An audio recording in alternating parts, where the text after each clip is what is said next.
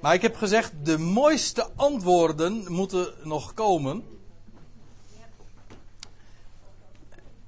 Hoewel we eigenlijk ook al met een heel mooi belangwekkend antwoord bezig zijn. Namelijk, we waren bij antwoord 6. Weet u nog? Antwoord 6. Waarom moest Christus sterven? Antwoord om de dood te overwinnen. Je kunt alleen maar opstaan uit de dood als je zelf eerst sterft. Waarna een vraag kwam: ja, maar hij, God kan toch ook gewoon de doden levend maken? Dat is ook zo, want God is de God die de doden levend maakt. Maar Christus zou de eersteling zijn. Die nieuw leven aan het licht bracht. Daarom is hij ook de Messias. Opdat hij, ik geloof dat ik het al eerder gezegd heb in Colossens 1, opdat hij in alles de eerste zou zijn. De eersteling. De voorste. Ja. We waren bij Hebreeën 2. Eh, nee, Hebreeën 12. Waarom moest Christus sterven? En het laatste tekst die we hebben gezien, dat is deze, die u hier op het projectiescherm ziet. Namelijk, hij stierf om de vreugde welke voor hem lag. En daarom heeft hij het kruis uh, op zich genomen en hij heeft de schande niet geacht. Hij is momenteel inmiddels gezeten ter rechterzijde van de troon Gods, de genadetroon, de, het verzoendeksel, maar dat is de term, terminologie van de Hebreeënbrief. In het heiligdom, in het binnenste heiligdom achter het voorhangsel, verbergende zijn aangezicht. Ja. Dan gaan we nu naar Hebreeën 2. Hebreeën werpt heel veel licht op de vraag van vandaag. De Hebreeënbrief is eigenlijk één groot commentaar op wat de betekenis is van de offerdienst en van heel Israëls eredienst, de tempeldienst, het priesterschap. En, het gaat buitengewoon diep in op allerlei passages in het Oude Testament, op de figuur van Melchizedek, etc. Hebreeën 2 geeft ook antwoord op de vraag waar we het over hebben. Hebreeën 2 vers 14. Daar staat, daar nu de kinderen, de kinderen Israëls, de kinderen der Hebreeën, want Hebreeënbrief is rechtstreeks gericht aan Hebreeën, blijkt ook uit de brief zelf, heel duidelijk. Daar nu de kinderen aan bloed en vlees deel hebben, maar je kunt natuurlijk zeggen, wij zijn ook mensenkinderen en wij hebben ook deel aan, uh, en bloed en vlees. Zo is het ook waar. Maar hier specifiek in het verband gaat het over de kinderen Israëls. Daar nu de kinderen aan bloed en vlees delen hebben, heeft ook hij op gelijke wijze daaraan deel gekregen. Dat wil zeggen, hij werd dus ook een mens van bloed en vlees. Sterfelijk. Inderdaad, hij zegt: Niemand neemt mijn leven. Johannes 10. Maar dat wil niet zeggen dat hij niet sterfelijk was, maar de uren moest pas uh, moest, uh, uh, gekomen zijn, wilde men zijn leven kunnen nemen. Ja, ik aarzel eventjes of ik nog op dat, die tekst in Johannes 10 inga. Nou, misschien dat we dat reserveren voor eventuele vragenbeantwoording die nog staat te komen. Nee, ik doe dat dus niet. even terug, Hebreeën 2, vers 14. Daar nu de kinderen aan bloed en vlees delen hebben, delen hebben, heeft ook hij op gelijke wijze daaraan deel gekregen, opdat hij door zijn dood hem die de macht van de dood heeft, of had, ja, uh, de duivel zou onttronen. Let op hoe het hier staat. De MBG-vertaling is hier fout. Ik heb het meteen gecorrigeerd. Er staat namelijk, dat, opdat hij door, uh, in de MBG-vertaling, opdat hij door zijn dood hem die de macht over de dood had, de duivel zou onttronen. De duivel had niet de macht over de dood. De duivel heeft de macht van de dood. Dat wil zeggen, hij kan doodmaken. Dat is zijn beroep. Hè? Hij is toch de mensenmoorder van de beginnen? Maar hij heeft niet de macht over de dood. Mocht hij willen. Hij heeft de macht van de dood. Dat wil zeggen, hij. Uh, gebruikt de dood als een wapen. Maar hij heeft niet de macht over de dood. Hij kan namelijk niet levend maken. En dat is nou precies wat hij wel kan, die door zijn dood, hem die de macht van de dood had, de duivel zou onttronen. Ja. Dat is inderdaad door zijn dood gebeurd. Door te sterven kon hij opstaan. Zonder dood geen opstanding. Zonder lijden geen heerlijkheid, maar ook zonder dood geen opstanding. En door zijn dood heeft hij hem die de macht van de dood had, de duivel, ontroond. En er staat er nog bij in vers 15. En allen zou bevrijden die gedurende hun ganse leven door angst voor de dood tot slavernij gedoemd waren. En dit is een prachtig plaatje, tussen aanhalingstekens, van de mensheid. Van u en ik, van de, van de hele mensheid. Onder de dood besloten.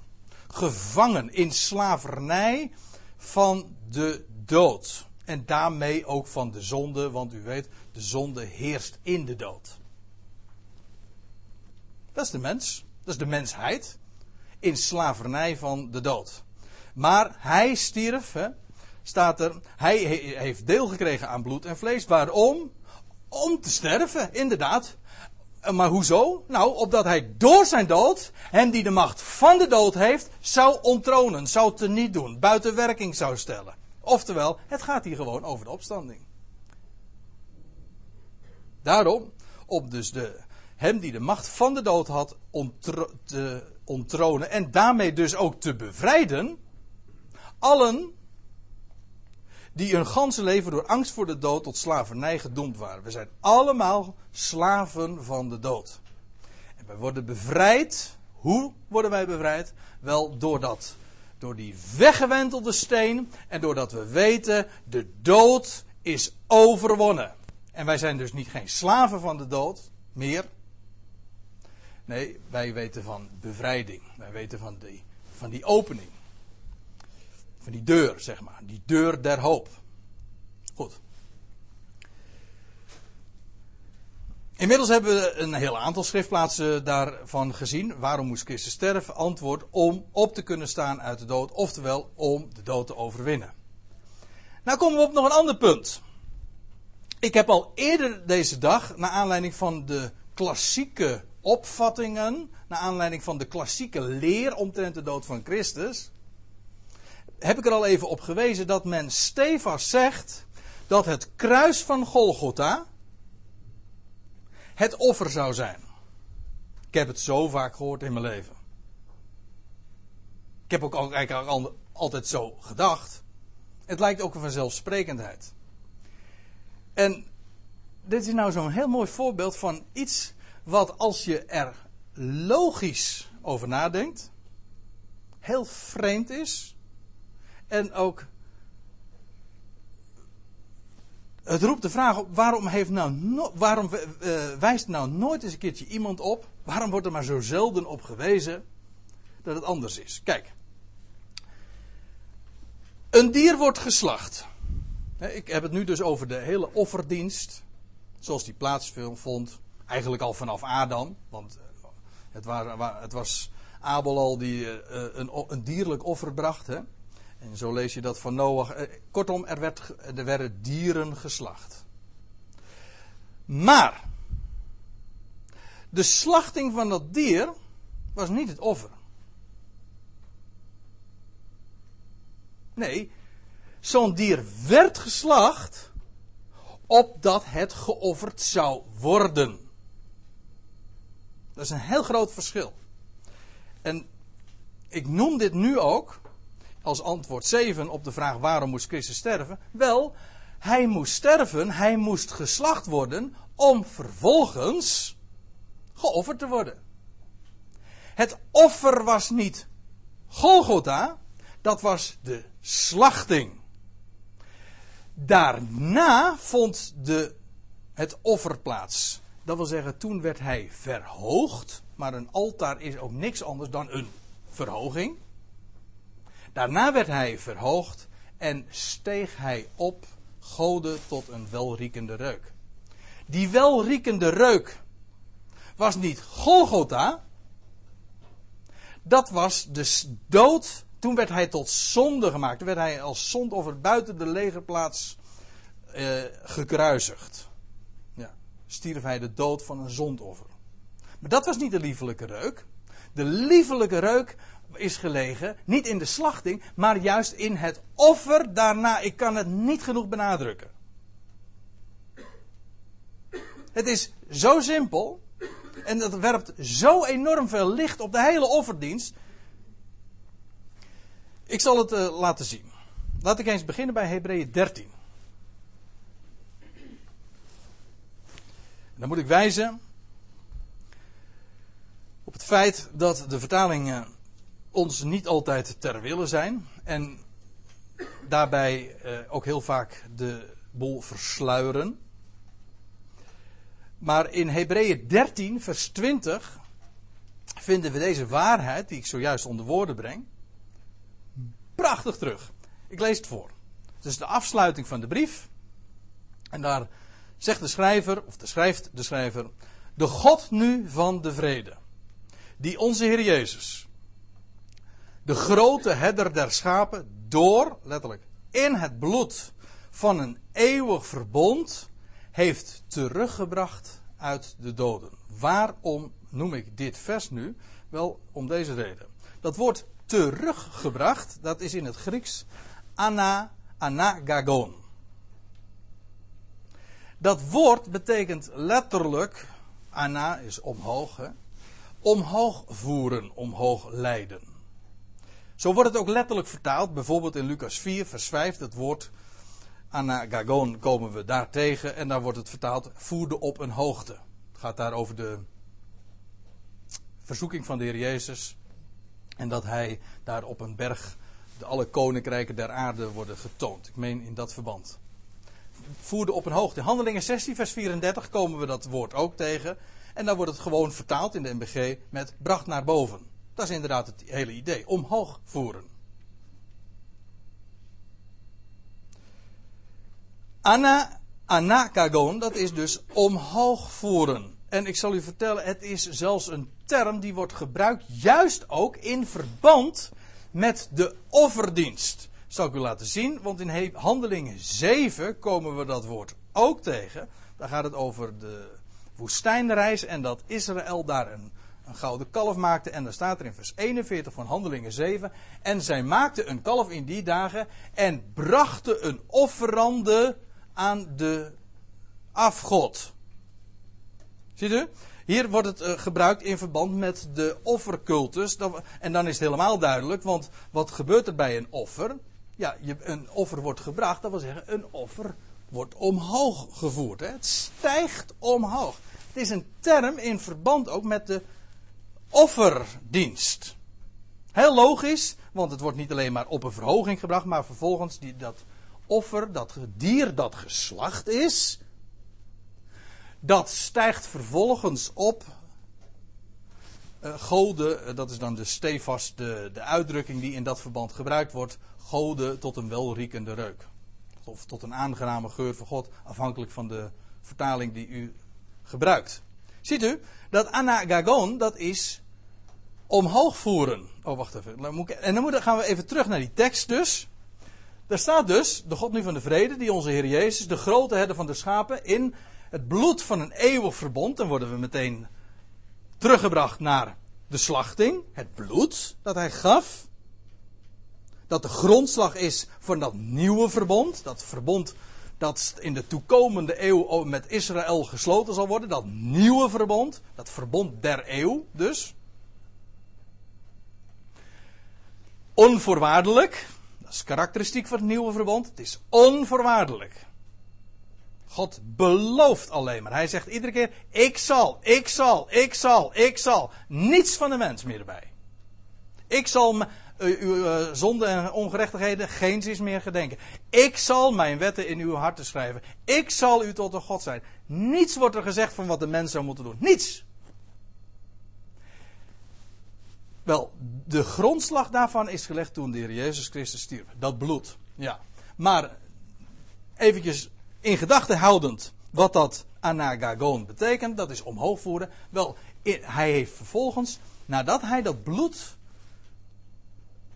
nadat hij zijn bloed heeft gegeven, is hij vervolgens omhoog gevoerd uit de doden. Hij steeg uit het graf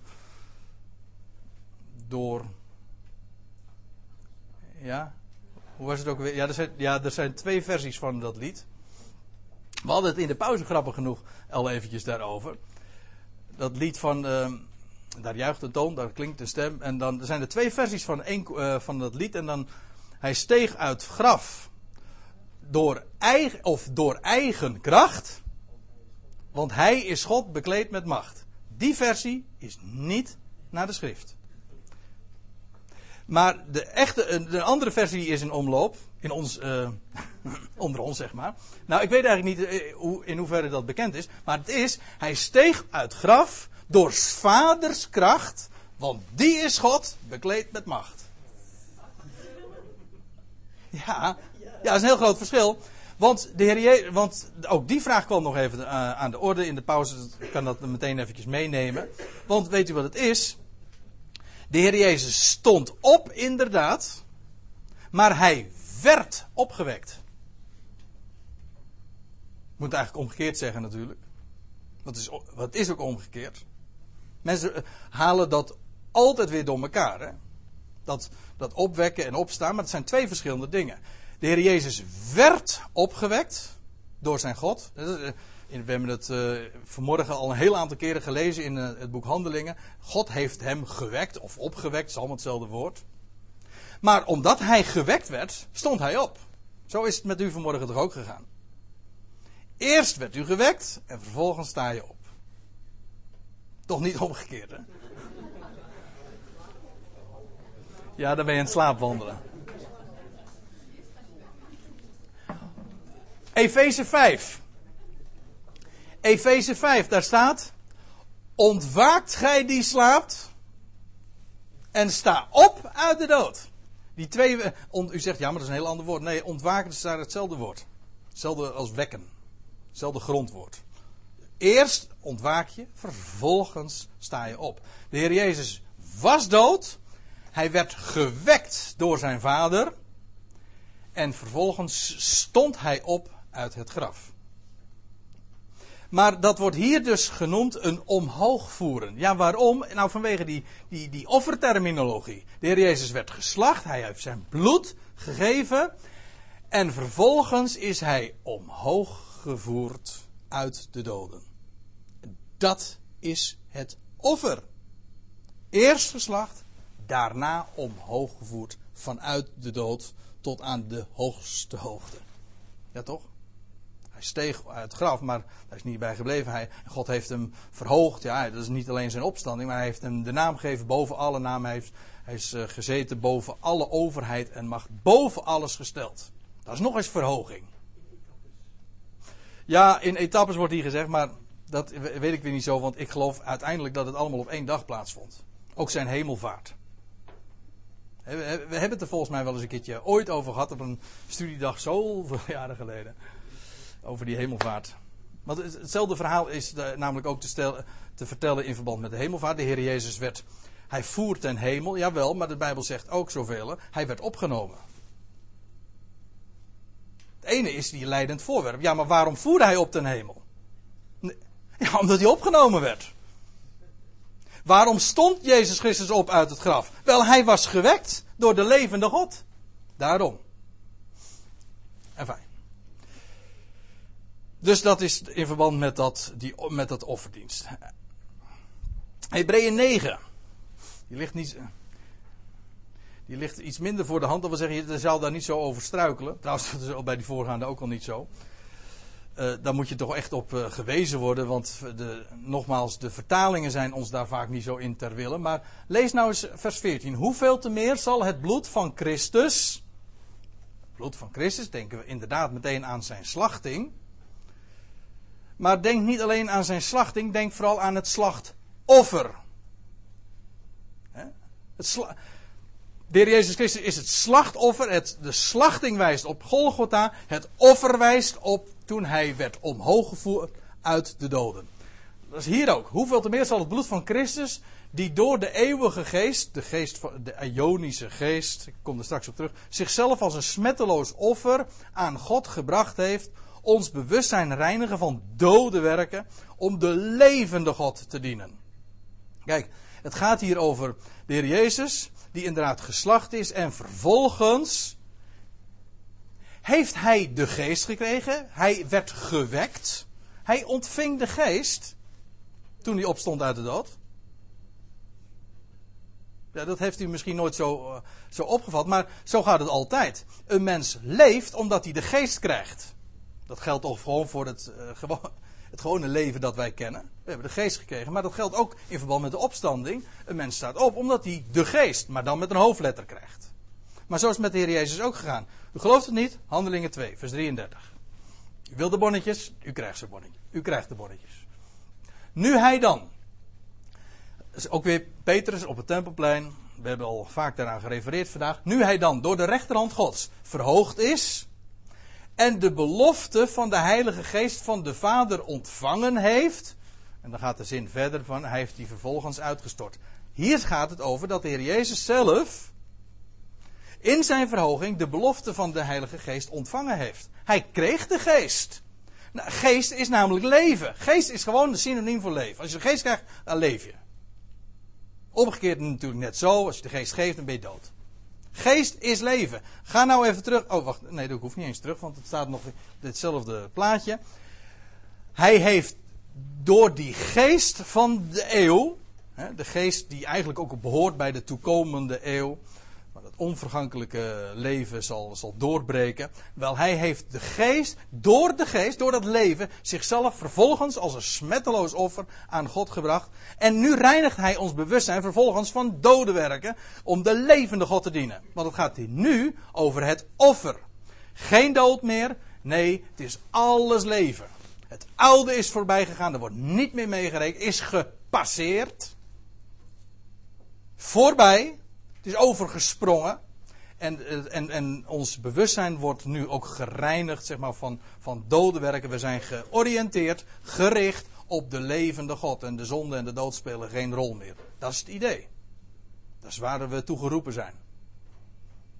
Onvoorwaardelijk. Ja. Dus om vervolgens de levende God te dienen. Wat er over, als de dood voorbij is, blijft leven over. Echt leven. Niet meer sterven zoals we dat hier kennen, maar echt leven. En geen dode werken, maar alleen maar de, het, het dienen van de levende God. Efeze 5, we moeten namelijk doorgaan. Wandelt in de liefde, schrijft Paulus daar. In de liefde zoals Christus u heeft lief gehad. Ik moet er even op wijzen, er staat hier in de aorist. Voor de vaste bezoekers is dat geen verrassing als ik zeg aorist betekent zonder horizon ongeacht verleden of toekomst, het feit wordt gesteld. God, het is niet heeft lief gehad, zo, ja, nou ja, lief gehad. Nou, mooi nou niet meer. Zo vol, dat is voltooid. Nee, de, de, Christus u lief heeft en zich voor ons heeft overgegeven. Oh, staat ook in de oude is. Hij geeft zich over als een offergave en slachtoffer, goden tot een welriekende reuk. En dat is de Heer Jezus Christus ook vandaag in zijn opstanding. De zonde is voorbij. Hij is nu dan ook met recht smetteloos. En door de geest offert hij zich aan God. En is, is hij inderdaad dat slachtoffer. Hij is de, dat, lam, uh, dat lam waarvan uh, openbaring 5 spreekt. Dat Johannes hem ziet, weet u wel, bij die troon en bij die, in verband met die boekrol. En dan is het Johannes die ja, er wordt er tegen hem gezegd van, nou weet niet, want kijk daar de, naar de leeuw van Juda.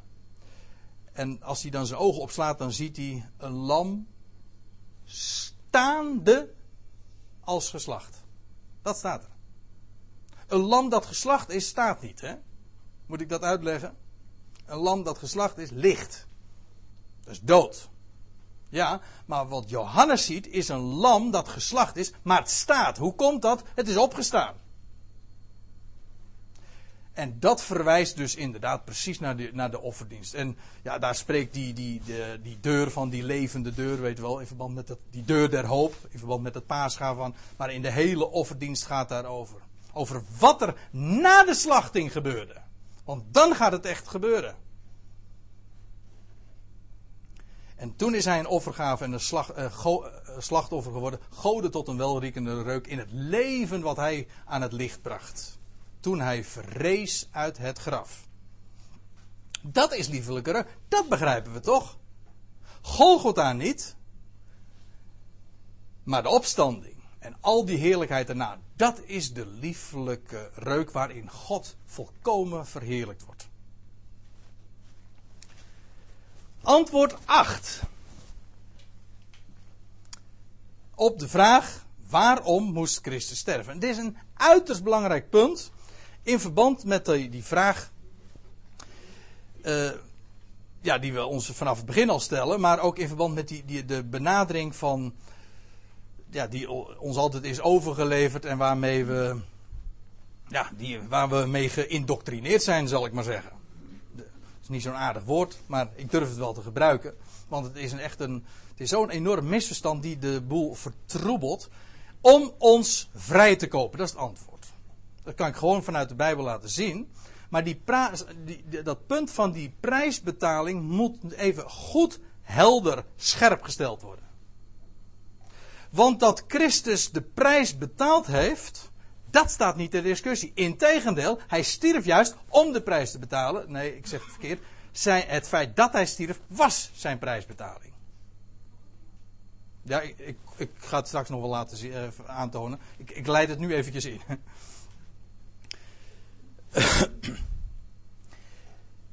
maar aan wie?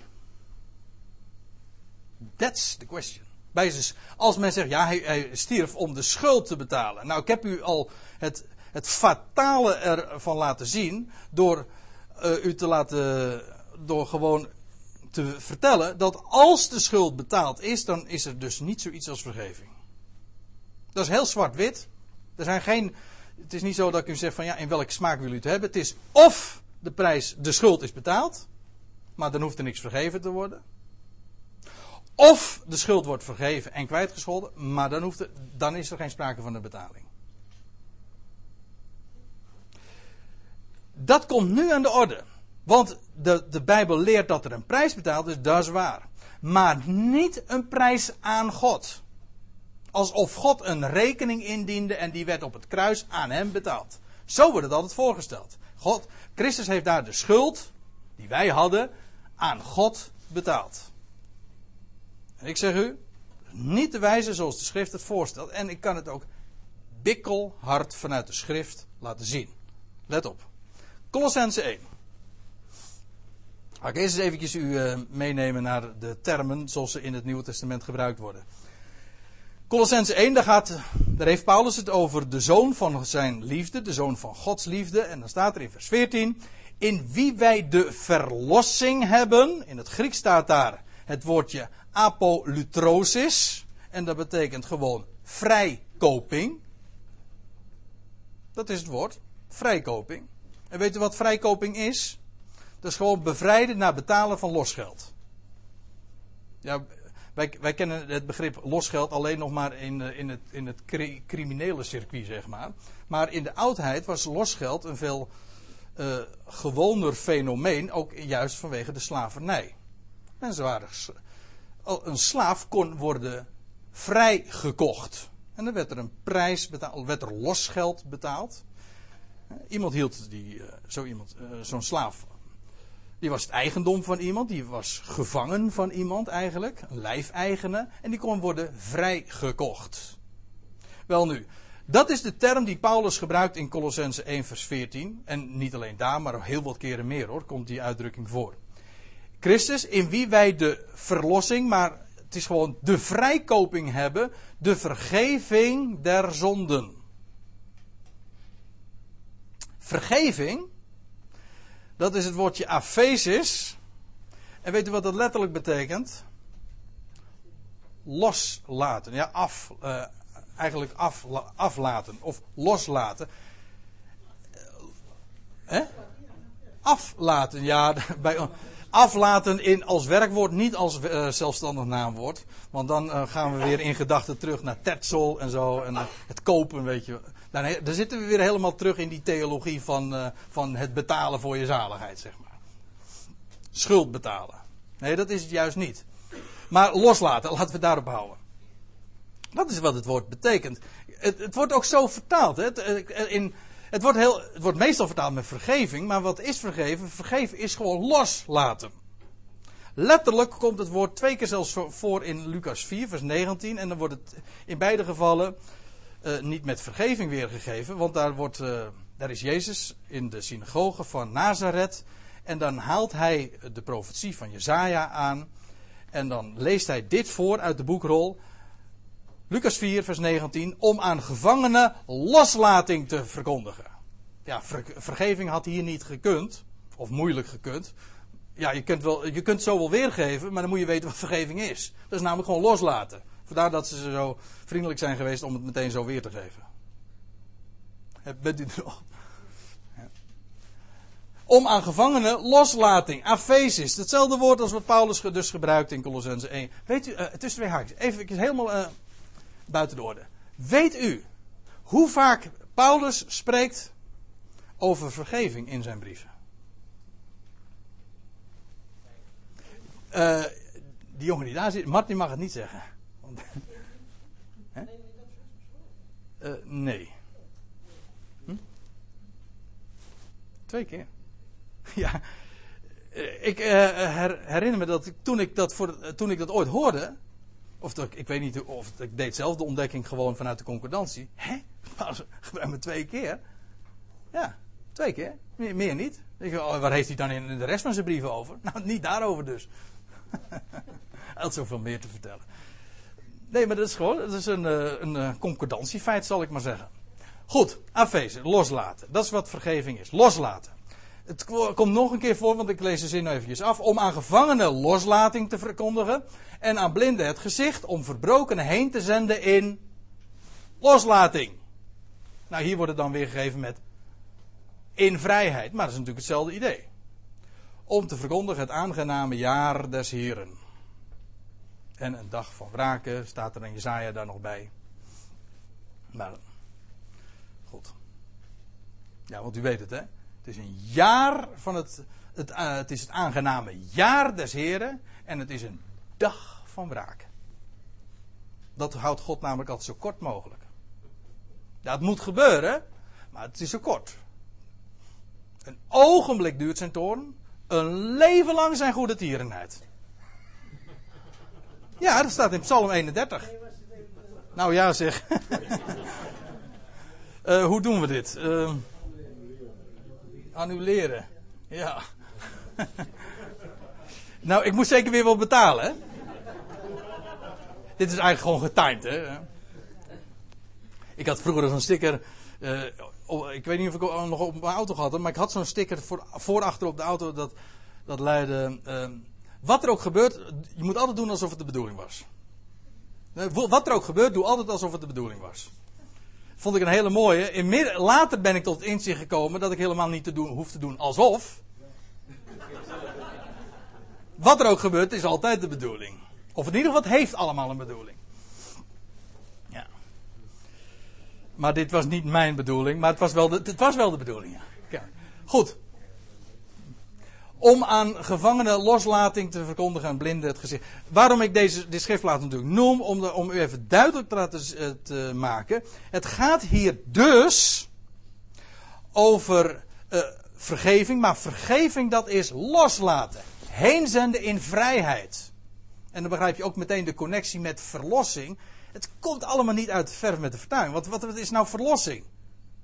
Ja, verlossen is een, een, een veel ja, bredere term, maar in ieder geval, het, heeft niet de, het brengt niet de gedachten met zich mee die het Griekse woord heeft. Die, die Paulus zeg maar erin legt toen hij het woord gewoon optekende. Hij sprak over vrijkoping. Daar denkt u en ik niet aan. Daar denken u en ik niet aan wanneer we het woord verlossing lezen. Wel dan? Nee. Niet noodzakelijk, laat ik het zo zeggen. Maar hij het over vrijkoping en hij vervolgens over in wie wij de vergeving, dat wil zeggen de loslating, de vrijheid, de bevrijding hebben. Ja. Efeze 1, daar staat namelijk vrijwel hetzelfde. Colossense 1 vers 14, daar gaat het over in wie wij de verlossing hebben, de vergeving der zonde. Hier staat um, in Efeze 1 vers 7. Ik heb, ze, ik heb nu dus alle schriftplaatsen genoemd waar Paulus spreekt over vergeving. In Efeze 1, vers 7. In hem. Gaat hier over de schatkamer van God. Efeze 1, geweldig. Rijkdom op rijkdom wordt daar gestapeld. Alles wat, het, wat ons eigendom is in hem. Dus het, ook het voortdurende refrein in dat hoofdstuk. In hem. In hem hebben wij de verlossing. Apolutrosis. De vrijkoping. Door zijn bloed. De vergeving. Oftewel, de bevrijding. De loslating van de overtredingen. Nou ja, overtredingen denk je al heel gauw van. Je bent door het rood gereden. Weet je, dat is een overtreding. Maar dat is in het Griek weer een ander woord. het gaat hier over misstappen. Hetzelfde woord wat Paulus ook gebruikt in verband met Israël. Door hun val, dat wil zeggen hun misstap, is het heil naar de heidenen gegaan. Dat woord gebruikt hier. In hem hebben wij de vrijkoping door zijn bloed, de bevrijding van de overtredingen naar de rijkdom van zijn genade. We gaan even verder, want we, er zijn meer schriftplaatsen die dat zo laten zien. Die uitdrukking vrijkoping, ik geloof dat ik het al even zei, maar ik, herhaal het nu nog even om het te onderstrepen, komt heel dikwijls voor in het Nieuwe Testament. Prijs betaald, waarom? Om ons te bevrijden. 1 Timotheus 2, geweldig schriftplaats. Ik zeg wel eens, dit is Paulus' mission statement. Hij heeft er meerdere. In hoofdstuk 4 vind je er nog eentje, maar dit vind ik ook een mooi hoor. Het blijkt wel uit vers 7. Dan zegt hij: Ik ben daartoe gesteld als een verkondiger en, en apostel. Goed, vers 5. Ik eh, lees even vanaf dat vers. Want er is één God. Er is ook één middelaar van God en mensen. De mens, Christus Jezus. Die zich gegeven heeft tot een losprijs voor allen. En daarvan wordt getuigd de juiste tijd. Eigenlijk staat er, ik ga daar nu niet te diep op in, maar ik wil toch even op wijzen. Let, eigenlijk staat er een getuigenis op eigen tijden. Dat wil zeggen, daar zal van getuigd worden op eigene tijden. Ieder zal, allen zullen daarvan getuigenis geven op de, eigen, de geëigende tijden. Ja, dat, is heel, vind ik veel mooier nog hoor. Niet van, uh, ja, hiervan wordt getuigd de juiste tijd. Ik zou zeggen, dit moet altijd verteld worden. Nee, maar het gaat erom, allen zullen hier eens te gelegener tijd getuigenis van afleggen. Dat de prijs voor ze betaald is. Hier wordt het gezegd. Die ze gegeven heeft tot een losprijs voor allen. Daarvan wordt getuigd de juiste tijd of een getuigenis te eigener tijden. En ik ben daartoe als een verkondiger en een apostel gesteld. Daartoe. Ik spreek waarheid, geen leugen, als een leermeester van de natie in geloof en waarheid. Dus Paulus zegt hier van, nou, wat is nou de boodschap die ik breng? Wel, er is één God, er is één middelaar. En er is één, die middelaar die heeft zich gegeven, zich gegeven tot een losprijs voor allen. That's it. Dat is de boodschap. De prijs is betaald voor allen, voor u, voor u, voor mij, voor al die miljarden mensen die er geleefd hebben, die er nog leven en die nog geboren moeten worden. De prijs is voor hen betaald. Eh, dat wil zeggen een losprijs. Niet een prijs om de schuld te betalen aan God, let maar op, want laten we de vraag stellen. Aan wie wordt losgeld betaald? We doen even alsof het een catechismus is. Hè? Aan wie wordt de losprijs betaald? Losgeld betaald? Antwoord aan wie gevangen uh, houdt. Ongeacht wie dat nou is. In het criminele circuit uh, wordt dat dus misbruikt. Hè? Maar uh, ook een, een, een, iemand die een gevangene beheert. Of iemand die een slaaf heeft. Want in die sfeer ligt, het, ligt de connectie vooral in het Nieuwe Testament. Aan een sla iemand die slaven heeft. Of een slaaf heeft aan zo iemand, die, die slaaf is namelijk zijn lijfeigene. Die is ook gekocht, hè, door die, maar om hem los te kopen moet er een prijs voor betaald worden. Dus degene die gevangen houdt, die ontvangt het losgeld. Toch? Dat is, dat is niet moeilijk, hè? Nee. Maar je kunt het wel ingewikkeld maken, hoor. Ja, hoe wil u het? Nou, de mensheid is in slavernij, in, Als u nou Romeinen 6 is leest, we gaan het nu niet doen, maar als u nou thuis komt, of u gaat het morgen, want u, bent straks als u thuis komt, bent u een beetje te vol misschien nog. En zegt van, goh, ik heb vandaag zoveel gehoord en al die, bijbelschrift, die, al die bijbelplaatsen. Uh, nu doe ik het niet. Oké, maar moet u Romeinen 6 eens lezen. Daar gaat er uitgebreid over. Dat we slaven waren van de zonde en dat we nu zijn eigendom geworden zijn. Waarom? Omdat er een prijs is betaald. Gij zijt gekocht en betaald. Verheerlijk dan God met uw lichaam. Etcetera. De mensheid is in slavernij van de dood. Oftewel de zonde, maar dat is broertje en zusje, want als het een komt, komt het ander ook. Net zo goed als, als het leven komt, dan is het de zonde gedaan. Goed. De mensheid is dus in slavernij van de dood. En toen Christus stierf, betaalde hij dus de prijs om de mensheid van de dood te verlossen. Toch? Hij, Christus stond op om op, te, om op te staan uit de dood en daarmee de mensheid het leven te geven. Maar de mens was, de mens was namelijk gevangen in de dood. En de Heer Jezus heeft de prijs betaald aan degene die ons gevangen hield. Ja, dat kun je dan nog. Dat, u, u vraagt aan wie hield ons nou gevangen? Nou, ik kan, ik kan verschillende antwoorden geven. Je kunt zeggen dat was de duivel. Hem die de macht van de dood had, die ons gevangen hield. Je kunt ook gewoon zeggen, dat is ook de terminologie van uh, Paulus in Romeinen 6, dat de zonde en de dood onze Heer was. Wij, waren eigendom, uh, wij waren het eigendom van de, de zonde en van de dood, die worden dan gepersonificeerd voorgesteld. Wel nu, die hielden ons gevangen. En de, in ieder geval met de dood is het heel duidelijk. De Heer Jezus heeft de prijs aan de dood betaald. Hoe dan? Nou, door te sterven. Door te sterven betaalde hij de prijs aan de dood. En zo kon hij ons verlossen, want daardoor, door de dood, stond hij op uit de dood en zijn wij van de dood, van die ons gevangen hield, bevrijd. De prijs wordt betaald aan degene die ons gevangen hield. Het was niet God. God hield ons nog niet gevangen. Nee, de dood en de zonde hield ons gevangen. En de Heer Jezus betaalde de prijs aan hem die de macht van de dood had, door te sterven. Dat was de prijs die hij betaalde. Maar juist door die prijs te betalen, bracht hij bevrijding. En opende hij die deur. Door die, door die bloedstorting is er een deur geopend, een deur van hoop. Ziet u? Daardoor is er bevrijding. En hij gaf zijn leven, inderdaad, om ons te bevrijden. Dat is vrijkoping. Openbaring 5. Ja. En zij zongen een nieuw gezang. Staat er in vers 9. Zeggende, het gaat hier over die 24 oudsten.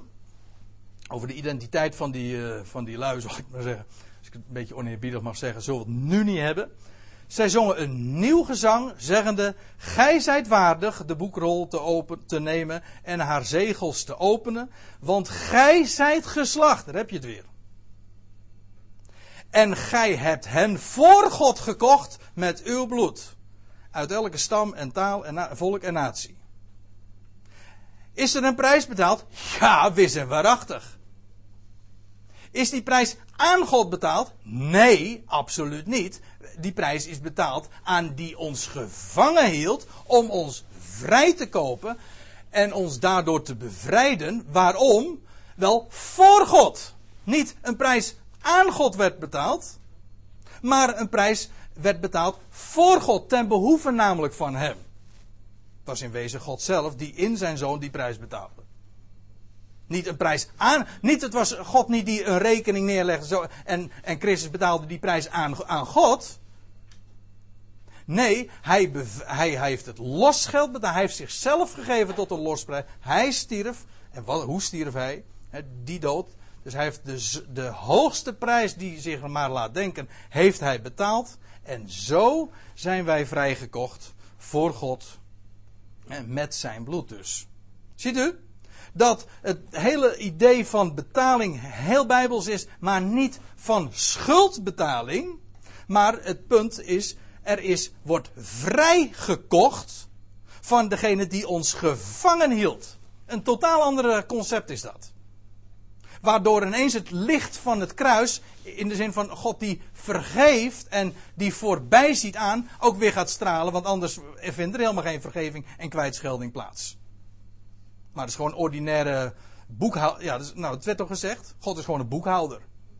Je zegt van oké, eh, schuld gemaakt, maar dat moet allemaal wel terugbetaald worden. Anders, kan, anders heb ik geen, uh, hoe schreef Josh McDowell dat ook weer? Anders heb ik geen verlof om liefdevol met de mensheid om te gaan. Alsof God verlof nodig heeft om ons lief te hebben.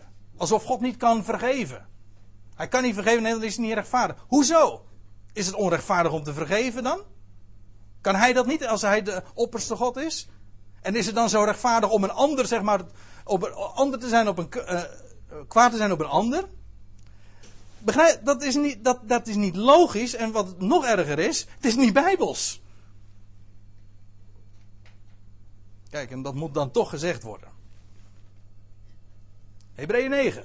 Oh, ik zie uh, dat het inmiddels vijf voor half drie is. Uh, zo, dat zal ik toch nog eventjes doen. Ja, oké. U zit hier toch niet als een boekhouder, hè?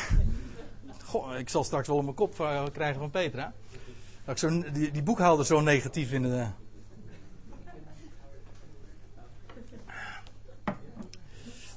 Ja, Hebreeën 9, gaan we nog even naartoe. Oh ja, ja, dat moeten we zeker nog even noemen. Het is een heel belangrijke tekst die in dat verband altijd gebruikt. Dit is misschien wel de kroongetuige voor die leer. Dat God eerst bloed moet zien. Ik stel het zo voor, maar zo wordt het ook gezegd. Calvin heeft het echt expliciet ook zo, zo naar voren gebracht. God moet eerst bloed zien, anders kan hij niet vergeven.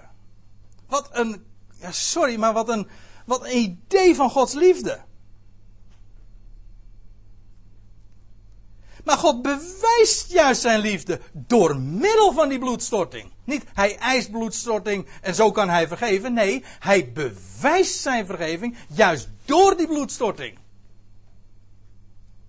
Inderdaad, nagenoeg alles wordt volgens de wet met bloed gereinigd. En zonder bloedstorting geschiet er geen vergeving. En wat hadden we ook alweer gezien? Vergeving, dat is bevrijding, loslating. Ja, dat is precies het verhaal. God bevrijdt ons hij leidt uit, hij doet de deur open en hij zet uh, het, ja, de deur open naar, naar, naar dat nieuwe leven. Hoe doet hij dat? Wel, door de weg van bloedstorting. Het is en gaat nooit anders in de Bijbel. Zonder bloedstorting geschiet er inderdaad geen bevrijding, geen loslating. Zo bewijst God dat. Zo geeft God dat ook. Dat is de, de, de route die hij daarvoor gekozen heeft. 1 Korinthe 15, dat is de laatste die ik nog even noem voordat we gaan pauzeren. Het loopt een klein beetje uit, maar goed. 1 Korinthe 15. Daar schrijft Paulus, we zijn de dag daarmee begonnen en daar uh, wijs ik nu nog een keer op. Paulus schrijft, want voor alles heb ik u overgegeven hetgeen ik zelf ontvangen heb. Christus is gestorven voor onze zonde. Staat niet voor de straf van onze zonde, zo wordt altijd gelezen, hè? Christus is niet gestorven voor de, om de straf op onze zonde te dragen. Nee, hij is gestorven voor onze zonde. Waarom? Nou, om ons te bevrijden van die zonde natuurlijk. Niet te bevrijden van de straf van de zonde, maar te bevrijden van de zonde zelf. Goed. Christus is gestorven voor onze zonde, naar de schriften. En hij is begraven en ten derde dagen opgewekt, naar de schriften. Nou lees ik even verder, vers 17. Dan zal ik u laten zien dat het inderdaad waar is. Wat ik zojuist al, uh, al ook al liet zien vanuit de schrift. Maar hier worden we weer in bevestigd, vers 17. En indien Christus niet is opgewekt, dan is uw geloof zonder vrucht. Want u weet, hè, de vrucht zit juist in dat nieuwe leven. Dan is uw geloof zonder vrucht en dan zijt gij nog in uw zonde. Hij stierf voor onze zonde, jawel, maar de bevrijding van de zonde is juist doordat hij, doordat hij door de dood nieuw leven aan het licht bracht. En dat is de bevrijding. Zou hij niet zijn opgewekt, dan zijt gij nog in uw zonde. Zit er? Ja, nou, uh, daar gaan we straks over verder. We gaan weer een half uurtje pauzeren. En dat wil zeggen tot uh, drie uur.